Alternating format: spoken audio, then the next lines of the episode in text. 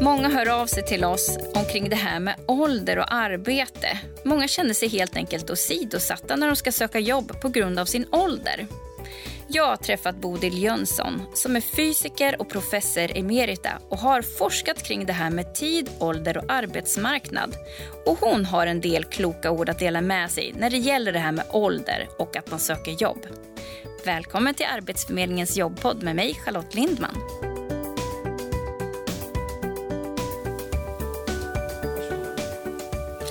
Då vill jag hälsa Bodil Jönsson varmt välkommen tillbaka än en gång till Jobbpodden. Tack. Och för den som inte lyssnade på förra avsnittet där vi pratade mycket om tid och arbete och som kanske inte riktigt vet vem du är kan du berätta lite kort om dig själv. Precis som de flesta i min generation så växte jag upp på landet. Efterhand tog jag mig till Lund, jag läste fysik, jag kom att jobba med fysik många år, 20-30 år. Eh, men vart efter så visade det sig att det räckte inte riktigt. Så efterhand så var jag mot slutet av mitt yrkesverksamma liv var jag professor i något som heter rehabiliteringsteknik. Det vill säga jag arbetade med människor med olika funktionsvariationer och vad tekniken och pedagogiken kunde spela för roll där. Eh, och så kan jag titta på mig själv och säga att egentligen så är jag nog en humanist som råkade bli naturvetare och råkade hamna på teknisk fakultet. Och jag tror det förklarar rätt så mycket av vad jag har gjort. Att jag har ju hållit mig till naturvetenskapen och tekniken men jag har ju jobbat med det i dess mänskliga sammanhang. Och sen har du skrivit en hel mängd med olika böcker som handlar om tid. Och det började jag faktiskt tänka på tid när jag var fyra år, så jag har haft några år på mig. Men sen har jag då i fysiken haft anledning att förhålla mig till tid och också speciellt med människor med utvecklingsstörning lärt mig mycket om hur är det i vår tid när man har svårt att få fatt på tidsbegreppet. För det är ju inte bara vad klockan är utan det handlar om hur länge och hur ofta och i vilken ordning. Väldigt mycket som vi lägger in i tiden. Mm. Så jag har blivit någon sorts tidsfilosof. Just här så kan jag berätta att det här med att föra till den äldre arbetskraften det började jag själv faktiskt inte tänka på förrän jag pensionerade mig. Och då började jag fundera över den tiden som byggs in i en människa. Inte bara åren som går, utan hur vi själva, ungefär som träden, så får vi ju årsringar. Och det vi visar utåt, det är den senaste årsringen. Men innanför den senaste årsringen, nu i bildlig betydelse, så har man ju alla de andra också.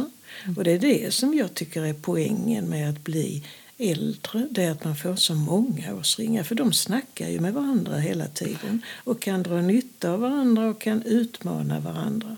Det var en fin eh, bild att få faktiskt. Att vi alla har eh, årsringar oavsett ja. hur gamla vi än är. Ja. Mm.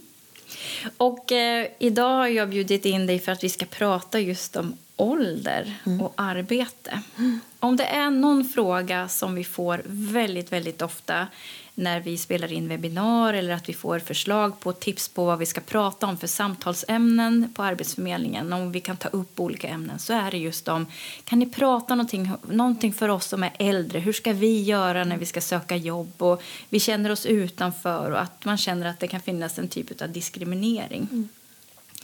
Och då tänkte jag ju att vem kan vara bättre än att prata om det här än du, Bodil? Mm. Alltså det är ju en väldigt speciell del av tidsandan. Om man är så gammal som jag så har man varit med om massa olika tidsandor för de hinner variera under ett liv.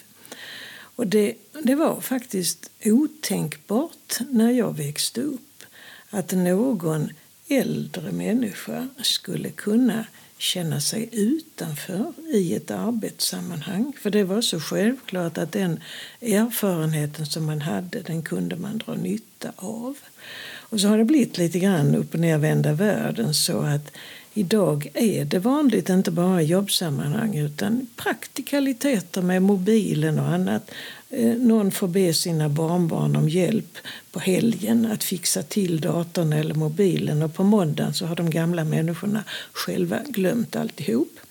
Och då känner man sig ju dum. Mm. Och det är det här som tillsammans med sättet att söka 35-åringar som gärna ska ha 25 års arbetslivserfarenhet eller sådär men är du äldre än 35 så är du redan för gammal. Det har blivit väldigt konstigt. Det är nästan som man kan se det som i en skrattspegel. Men man ska då veta om att det farligaste är inte hur andra ser på en utan det är hur man ser på sig själv. Ja. Om man alltså tänker, till exempel när man blir äldre så är det standard att man börjar glömma namn. Mm. Det, det gör, man kanske inte var jättegammal för det heller. Nej, och det gör också väldigt unga människor, särskilt om de är stressade, mm. så glömmer de namn. Eh, och samtal mellan människor som är så gamla som jag de brukar lyda ungefär så här. Vad är det hon heter? Du vet, mm. hon är gift med honom, han med den röda kavajen. Ja. Sådär, va? Och det låter inte klokt, mm. men man känner sig dum och man blir lite rädd för man vet att så här var det inte tidigare. Eh, förr i världen så tog man sånt här som intäkt för att äldre människor de var inte så kreativa som unga. Och det var också så att eh, det var ju inte meningen för egentligen att man skulle vara kreativ. Där jag växte upp, för att ta någonting ur mitt liv, jag lever ju fortfarande, va? men där var en man som man sa, det är inte mycket med honom. Mm. Han är en sökare. Men han fick finnas där för han var bra med djuren. Och så tänker jag på honom ibland utifrån vår samtid och det finns ju inget så fint som att vara en sökande människa. Det är ju ingen idag som vill vara en mottagande människa. Man vill ju söka, man vill ta rätt på allting. Så det var lite synd om honom att han inte levde i vår tid. Men olika delar kommer till sin rätt i olika tider. Mm. Men vad är det som gör att vi har den här åldersnojan? Den är ju kanske specifik just för Sverige.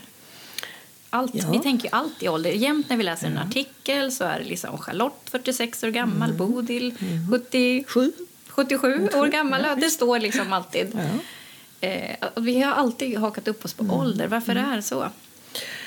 Ja, det är många som har undrat det före dig och jag har förstås fått frågan. Jag kan inte riktigt svara på den. Och det är ju inte alltid som det är meningen att man därmed ska stämpla någon människa positivt eller negativt. Utan det är...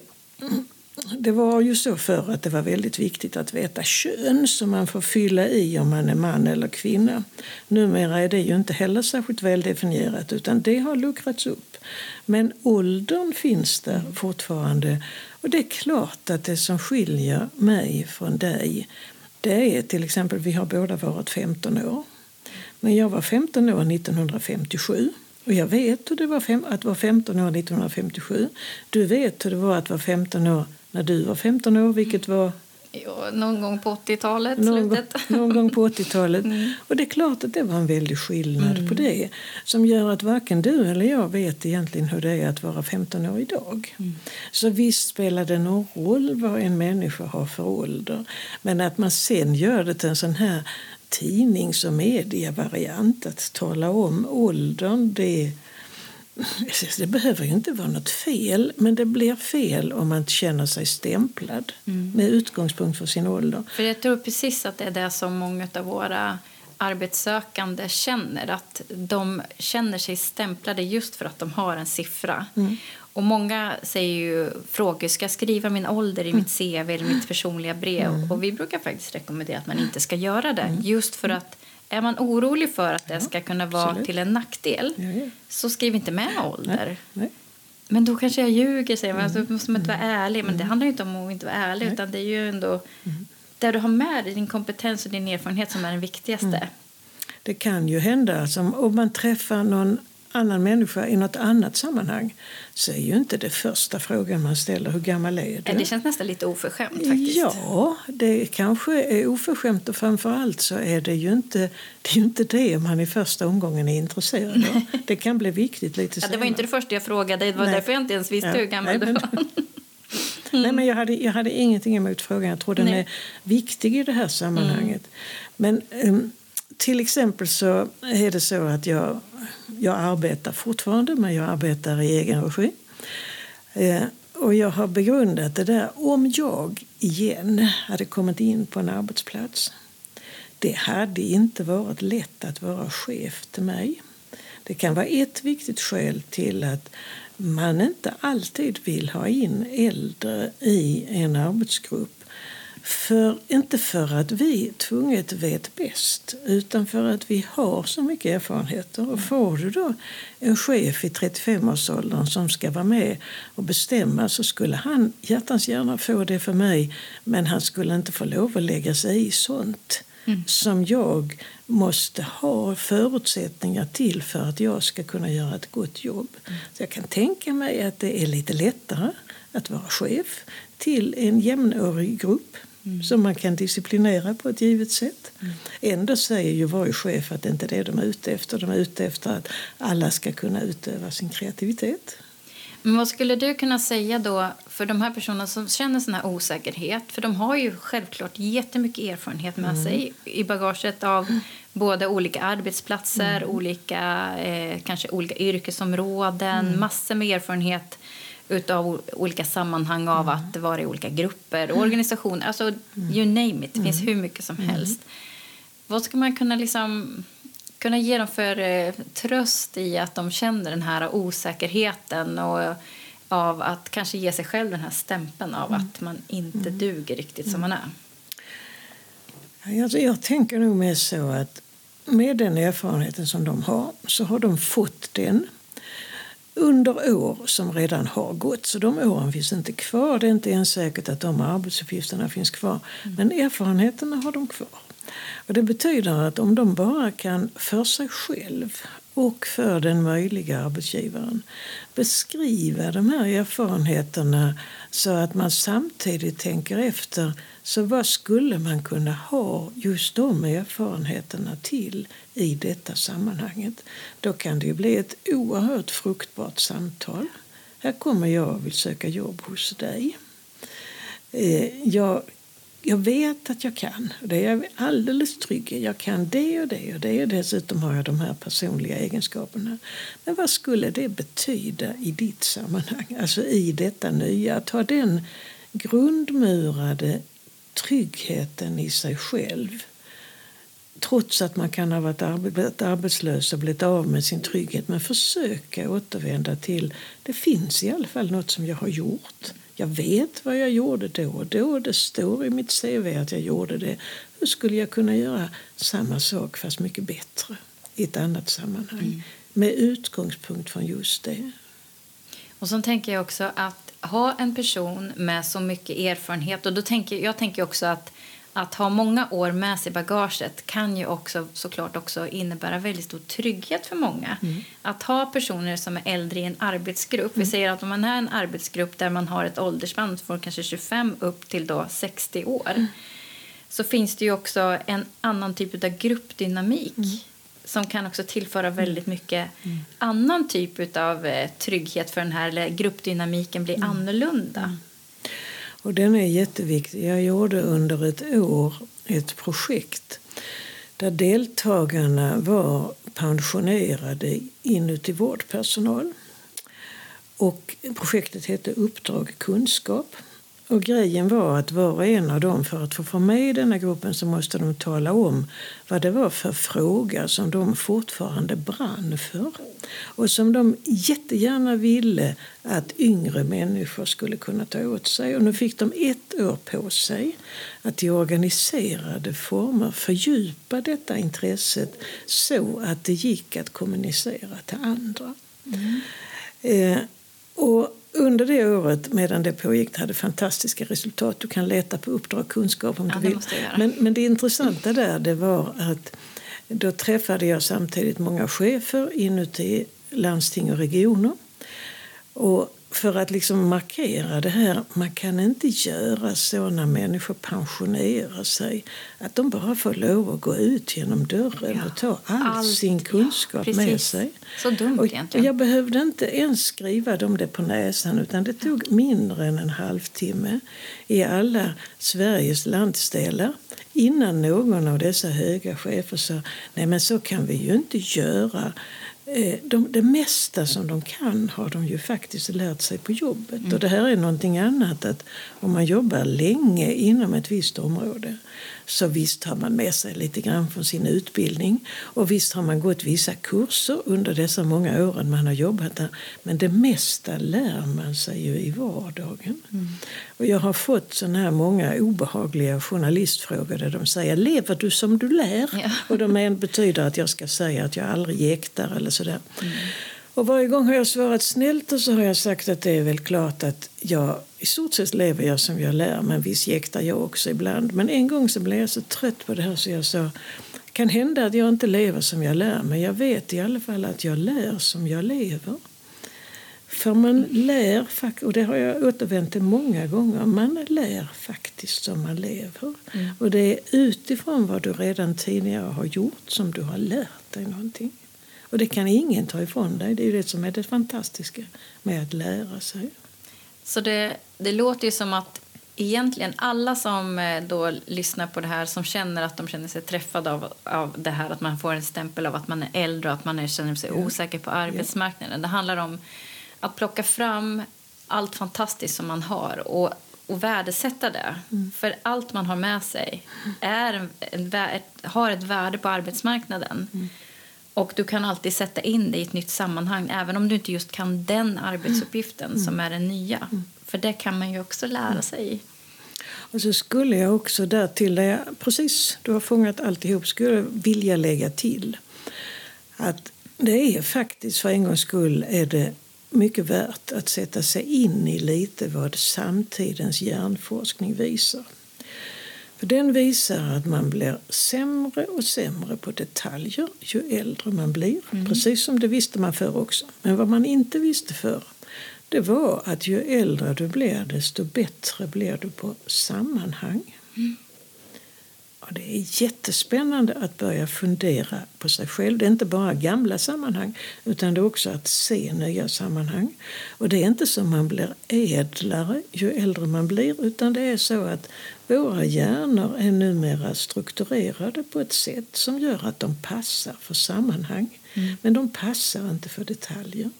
Sen finns det annat fint som att man får bättre kontakt mellan sina tankar och sina känslor. Man kan ju mäta trafiken mellan vänster och höger hjärnhalva mm. och se att den ökar livet igenom tills man är 80 och sen går den inte tillbaka. Det vill säga den här med det är ganska viktigt, många av oss går på magkänslan, eh, att ha kontakt med sina känslor. Vi kan se det på eh, äldre människor som ser på ett Lucia-tåg med barn kan till exempel inte låta bli att få tårar i ögonen. Mm. Men ännu tydligare är det på män som sjunger i kör. När det blir riktigt vackert mm. så trillar tårarna längs med kinderna på äldre män. Mm. Vilket jag tror de inte gör alls annars, men det där frigör också någonting. Men vad blir det för skillnad att i personalen ha med de som har kontakt ja. med sina känslor? Ja, för det tänkte jag fråga. Ja. Vad har det för betydelse då? Ja, jag menar nog egentligen att bara man vet om detta, bara man har börjat se sådana exempel så är det ju i alla sammanhang så att man har en arbetsuppgift. Mm. Och jag är ju stenhård på det. Grejen är ju då att den arbetsuppgiften ska utföras. Men om man har fått syn på sånt som äldre kan absolut inte konkurrera med yngre. Det gäller graden av teknikvändhet, att kunna det allra senaste. Sådär. Men om också de yngre får syn på att de äldre kan sånt som de inte kan till exempel bättre på sammanhang, till exempel bättre kontakt mellan tankar och känslor. Mm. Till exempel att ha varit med om andra tillfällen då något har misslyckats. Så att man är van vid att funkar inte plan A så tar vi till plan B så tar vi till plan C. Att man har flera lager. Ja, precis, liksom, flera, flera lager. Så. Mm. Och det här om man bara inte tävlar med varandra, för det kan man inte. Vi äldre kan inte tävla med de yngre på deras områden, men de kan inte tävla med oss på vårt område. Men inuti denna arbetsuppgiften så är ju grejen att vi tillsammans ska kunna prestera någonting. Mm. Och vad det skulle kunna betyda, plus att man ser äldre människor på väg mot sin pensionsålder Varför inte omstrukturera arbetsuppgifterna de två sista åren av arbetslivet om vi fortfarande ska ha mm. det så här med pensionering, vilket inte alls är säkert. Nej. Det har inte alltid varit så, det mm. kommer inte alltid att vara så, men än så länge är vi där. Mm. Och är det så då att man ska sluta en viss dag så är det inte rimligt att man tar kunskaperna med sig. Och det skulle finnas hur många fiffiga sätt som helst att i någon bemärkelse säga, mjölka av mm. kunskaperna. Det vill säga att ha som sin uppgift ja. att förmedla kunskaper att som, som, som, någon annan kan ha nytta av. Ja. Och det blir man själv glad av. Mm. Och det skulle vara väldigt bra för de yngre. Mm. Men jag tänker också att i och med att en del yrken har ju såklart försvunnit idag. Ja. Vi kan säga tryckare eller inom vissa, viss elektronik. Mm. Eh, det kan vara inom massor med olika saker som har blivit automatiserat eller mm. robotiserat. Eh, och jag tror också att många har en rädsla för att, att bli av med sina jobb också, just mm. på grund av det här. Och då kommer vi in också på det här med att vi behöver ju vidareutbilda oss. Mm. Att vi kan ju inte bara utbilda oss till ett yrke Nej. och tro att det funkar Nej. hur lång tid som Nej. helst. För vi jobbar ju hela tiden för att förändring i mm. arbetslivet också. Mm. mm. Och för de som står i en arbetslöshet de har ju säkert en kunskapsbrist någonstans mm. när det gäller just att hoppa på ett nytt yrke eller, mm. eller jacka i ett gammalt mm. yrke som har förändrats. Mm. Och då måste vi ju lära oss på mm. nytt. Mm. Och det är vi väldigt duktiga på att formalisera.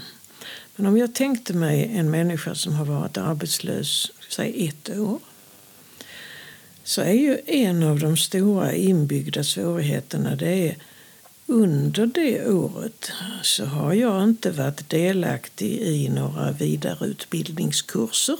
Jag har inte heller varit delaktig av det vanliga arbetslivet där jag har lärt mig saker bara för att jag har levt med mitt arbete. Mm.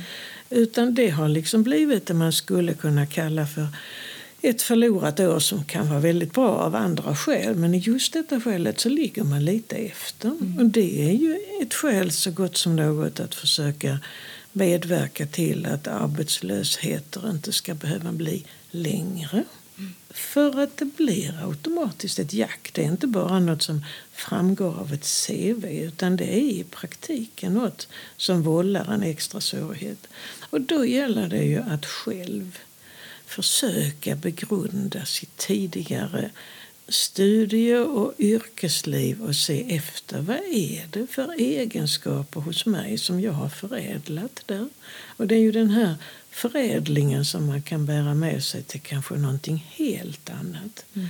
För när man väl är inne på en arbetsplats det allra mesta det är väldigt lätt att lära sig. Ja, och det säger ju många arbetsgivare också. att bara rätt person så fixar sig mm. resten sen. Vi ser till att lära upp mm. den här personen. Mm. Så det är många som går på att det är rätt person som vi har det här som vi ska anställa. Gå på den här magkänslan eller att eh, just att de här egenskaperna är det vi i första hand söker. Många gånger står det där platsannonser till exempel så här eh, vi söker rätt person.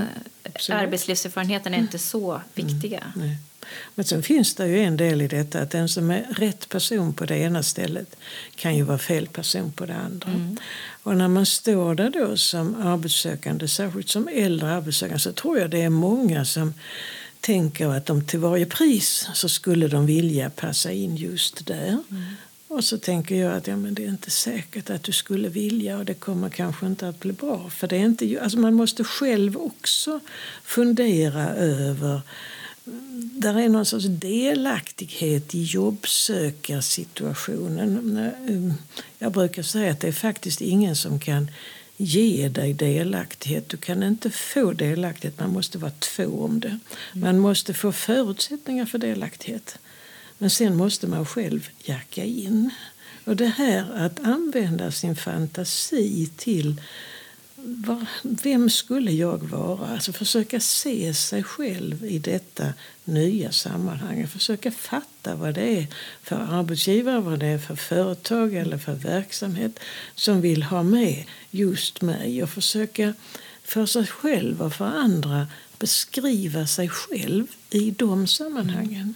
Det låter ju nästan som det här att man ska skapa sig målbilder Absolut. för att eh, man ska kunna sätta Absolut. sig in i en sån här situation. Och också inse att hur, hur arbetslös jag än är så just det jobbet det vill jag inte ha. Mm. För jag tänker många också som eh, då har några år på nacken och söker jobb som har hamnat i den här hopplösheten kanske. När de sen väl kommer då på en intervju mm. så är det ju också den här krocken som kan bli av känslan av eh, att man är värdelös. Mm. Men så ska man framstå sig som mm. så fantastisk och bra. Mm. mm. Den här krocken, hur ska man kunna lyfta upp sig därifrån? Alltså ibland så tänker jag att om jag hade varit idag arbetsgivare och hade velat anställa någon och så skulle jag hitta rätt plats för en intervju så kan det hända att det bästa hade varit om jag hade frågat kan jag få komma hem till dig.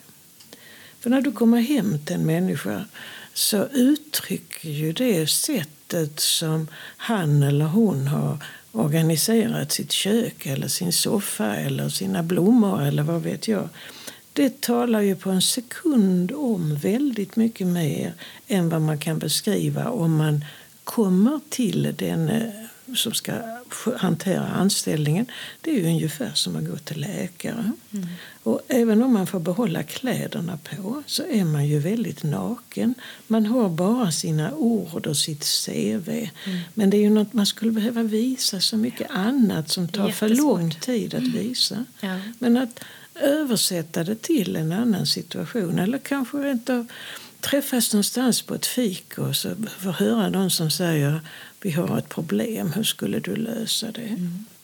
Det är ju väldigt mycket viktigare och det skulle slappna av från mm. ömse sidor. Och då tänker jag att det kan man ju också, förhoppningsvis är det ju lite arbetsgivare som lyssnar på den här podden också. Ja, hoppas jag. Ja, det hoppas jag också. Att, eh, att ge ett gott råd här till dem att mm. faktiskt tänka om man ska träffa en person då, mm. om man nu vet att den här personen har ett antal arbetslivsverksamma mm. år, mm. att man kan tänka att den här intervjun ska vi ha på ett lite annorlunda sätt. Absolut. Att man kanske inte har de här vanliga frågorna mm. som man oftast har i ett ark där man mm. liksom bockar av. Utan... Och det är också ett sånt konstigt sätt att instrumentalisera en människa. Jag försöker tänka mig in nu att jag skulle söka jobb. Mm. Och vem är då jag och hur skulle jag kunna berätta om det? Alltså jag skulle inte varit ett enda dugg intresserad av att berätta om mig själv. Däremot skulle jag velat visa hur jag skulle löst en viss uppgift. Mm. Och det är ju egentligen det som arbetsgivaren Precis. är intresserad av. Precis. Det är ju inte så jättemycket om, om, om allt det här andra Nej. runt omkring utan det är ju just i ett sammanhang. Det är ju du som om vi satt, satt och berättade sagor. Mm. Och eh, om vi, om, för de som inte lyssnade på förra avsnittet så pratade vi just också om det här med att det är egentligen resultatet som man mm. vill ha betalt för. Mm. Vad, ja. Hur du kan lösa ett problem. Ja. Och då tänker jag också att det är en fantastisk fördel när man då har många arbetslivsamma år. Mm. Livserfarenhet eller mm. arbetslivserfarenhet. Mm. Att se de här sammanhangen mm. och komma med bra lösningar. Mm. Det kan man ju faktiskt inte alls jämföra med personer som då precis ny, nyutkomna från högskolan eller gymnasiet. Jag kan, jag kan inte uttrycka det bättre. Nej, det var bra, då har jag förstått det rätt. Men så tänker jag då att eh, eh, just det här när, när det kommer till det som vi på Arbetsförmedlingen också har som uppdrag så har vi, det kallas ju för livslångt lärande och mm. det är ju också någonting som regeringen har gått ut med mm. Någonting som, som måste finnas i samhället att vi kan inte fastna i ett yrke. Idag pratar man om att man kanske byter yrke var femte eller var sjunde år. Inte bara yrke, utan kanske till och med att vi byter bransch under ett mm. par, tre gånger under en livstid. Och det kanske förändras också nu mm. framöver. Mm. Och det kanske inte gör det lättare för de personerna som känner lite så här, och jag är 50, ska jag behöva sätta mig i skolbänken nu igen? Men man kan ju också se det så att eh, föreställ dig att du ser en flod. Och så tänk dig att du får en badboll så att du säkert flyter och så kan du lägga dig mitt i strömmen så som man kan göra i Basel till exempel. Och så håller man om den bollen och så flyter man med. Och då tänker man inte på att man är i rörelse. Och för de som har bytt jobb flera gånger, så när jag växte upp så kallades de för hoppjerkor. Mm. Och hoppjerkor var inget fint. Nej, precis. Sen fick jag en son som jobbade många år som kock. Och då fick jag lära mig att det där om man är kock då får man inte stanna för länge på varje ställe. För det var ju jätteviktigt att man skulle lära sig hur man gjorde i andra kök. Mm. Det var inte bara resultatet utan det var också processen. Och sen har det ju blivit mer och mer så att yrkena varierar med tiden och arbetsplatserna. Så jag tror att det är något som är på väg att lägga sig. Att det är som att man är där i strömmen och det är inte farligt att flyta med. Mm.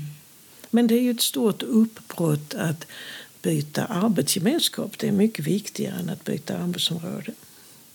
Ja, att få komma i de här sammanhangen. Ja, ja. Mm. Innan vi avrundar, har du någonting speciellt som du vill berätta för våra lyssnare som, som just är i den här situationen som undrar över hur ska vi göra nu som är 50-55 plus? Ja, det har jag. Och det handlar om hur man ser på sig själv. Det är många som klagar på att ålderismen fördärvar men det är mycket man själv som är den största av alla ålderister. I att man tänker att oh, jag är så ungdomlig och jag kan det och det men sen kan jag inte det och det och det är bara för att jag är så gammal. Alltså man måste byta synsätt på sig själv och känna efter att det här med mina årsringar i bildlig bemärkelse, de kan ingen ta ifrån mig. Det är inte heller så bara att erfarenhet har lagts på erfarenhet utan de har påverkat varandra och fortsätter att påverka varandra hela tiden. Så att nu står du här och du är en individ. Individ är ett fint ord, det kommer av individ, not to divide går inte att dela. Du är en odelbaring. Eh, och du har din senaste årsring ytterst och den talar om ditt utseende och din röst talar också lite grann om din ålder. Men alla, du är ju alla de andra åldrarna samtidigt. Mm. Och det är det stora som man har att komma med när man hör till den äldre arbetskraften. Tack så jättemycket för att du kom hit Bodil och berättade om dina kloka tankar om tid, arbete och ålder. Tack.